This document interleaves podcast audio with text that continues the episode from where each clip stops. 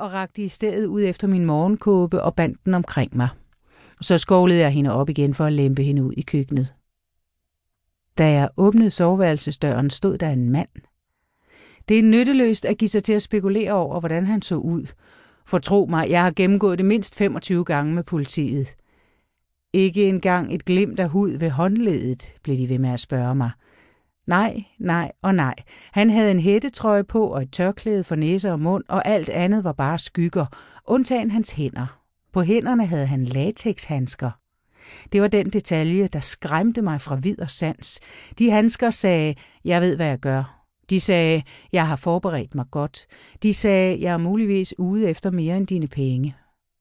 Vi stod sådan i et langt sekund over for hinanden, mens hans skinnende øjne låste sig fast i mine. Tusind tanker for igennem mit hoved. Hvor i helvede var min telefon? Hvorfor drak jeg så meget i går? Jeg ville have hørt om komme, hvis jeg havde været ædru. Uh, Gud, jeg ville ønske, at Judah var her. Og mest af alt, de handsker. Du gode Gud, de handsker, de var så professionelle, så kliniske. Jeg sagde ikke noget. Jeg rørte mig ikke. Jeg stod bare der i min slidte morgenkåbe, som var glædet op og rystede. Delilah vred sig ud af mine hjælpeløse hænder og skød afsted som en pil hen ad gangen i retning af køkkenet. Nej, tænkte jeg. Vær nu sød, rør mig ikke. Åh, oh, for fanden, hvor var min telefon? Så fik jeg øje på det, han holdt i hænderne. Min håndtaske. Min helt nye Burberry, om end den detalje virkede monumentalt ligegyldig i sammenhængen. Der var kun én ting, der betød noget med hensyn til den taske. Min mobil lå i den. Hans øjne trak sig sammen på en måde, der fik mig til at tænke, at han muligvis smilede under sit tørklæde, og jeg følte blodet løbe fra mit hoved og mine fingre og samle sig midt i kroppen, klar til kamp eller flugt, hvad der nu blev nødvendigt. Han trådte et skridt frem. Nej, sagde jeg højt. Jeg forsøgte at få det til at lyde som en ordre, men det kom ud som en bøn, og min stemme var lille og knirkende og bævede patetisk af redsel. Nej, jeg nåede ikke engang at tale færdig. Han smækkede døren i for næsen af mig, og den ramte min kind. Et langt øjeblik blev jeg bare stående, stiv som en støtte, med hånden mod mit ansigt, stum af chok og smerte. Mine fingre føltes som is, men der var noget varmt og vådt på mit ansigt, og først uendelig langsomt gik det op for mig, at det var blod. Jeg måtte have revet mig på dørens kantliste.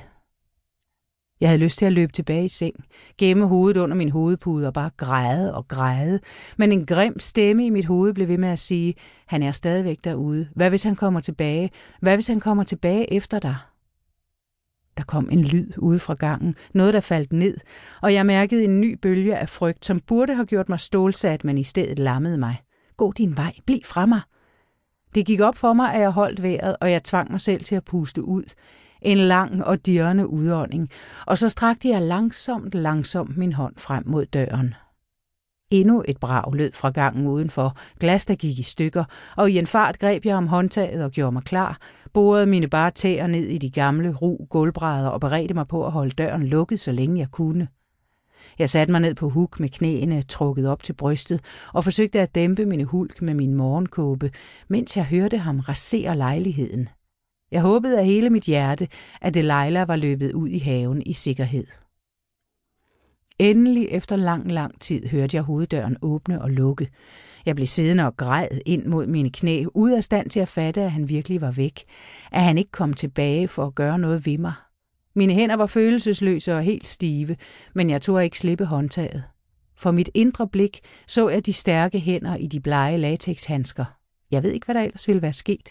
Måske var jeg blevet siddende der hele natten ude af stand til at bevæge mig. Men så hørte jeg Delilah miave og krasse på den anden side af døren. Delilah, sagde jeg hæst. Min stemme rystede så meget, at jeg knap nok kunne genkende den. Og Delilah. Gennem døren kunne jeg høre hendes spinde, den velkendte, dybe kædesavsraspen, og det var som om en forbandelse blev brudt. Jeg løsrev mine forkrampede fingre fra dørhåndtaget, bøjede og strakte dem smertefuldt, rejste mig dernæst op, fandt balancen nogenlunde på mine rystende ben og vred håndtaget rundt. Det drejede. Faktisk drejede det alt for let. Jeg mærkede ingen modstand, og låsesplitten bevægede sig ikke det mindste. Han havde pillet ved mekanismen fra den anden side. Pis. Pis, pis, pis. Jeg var fanget.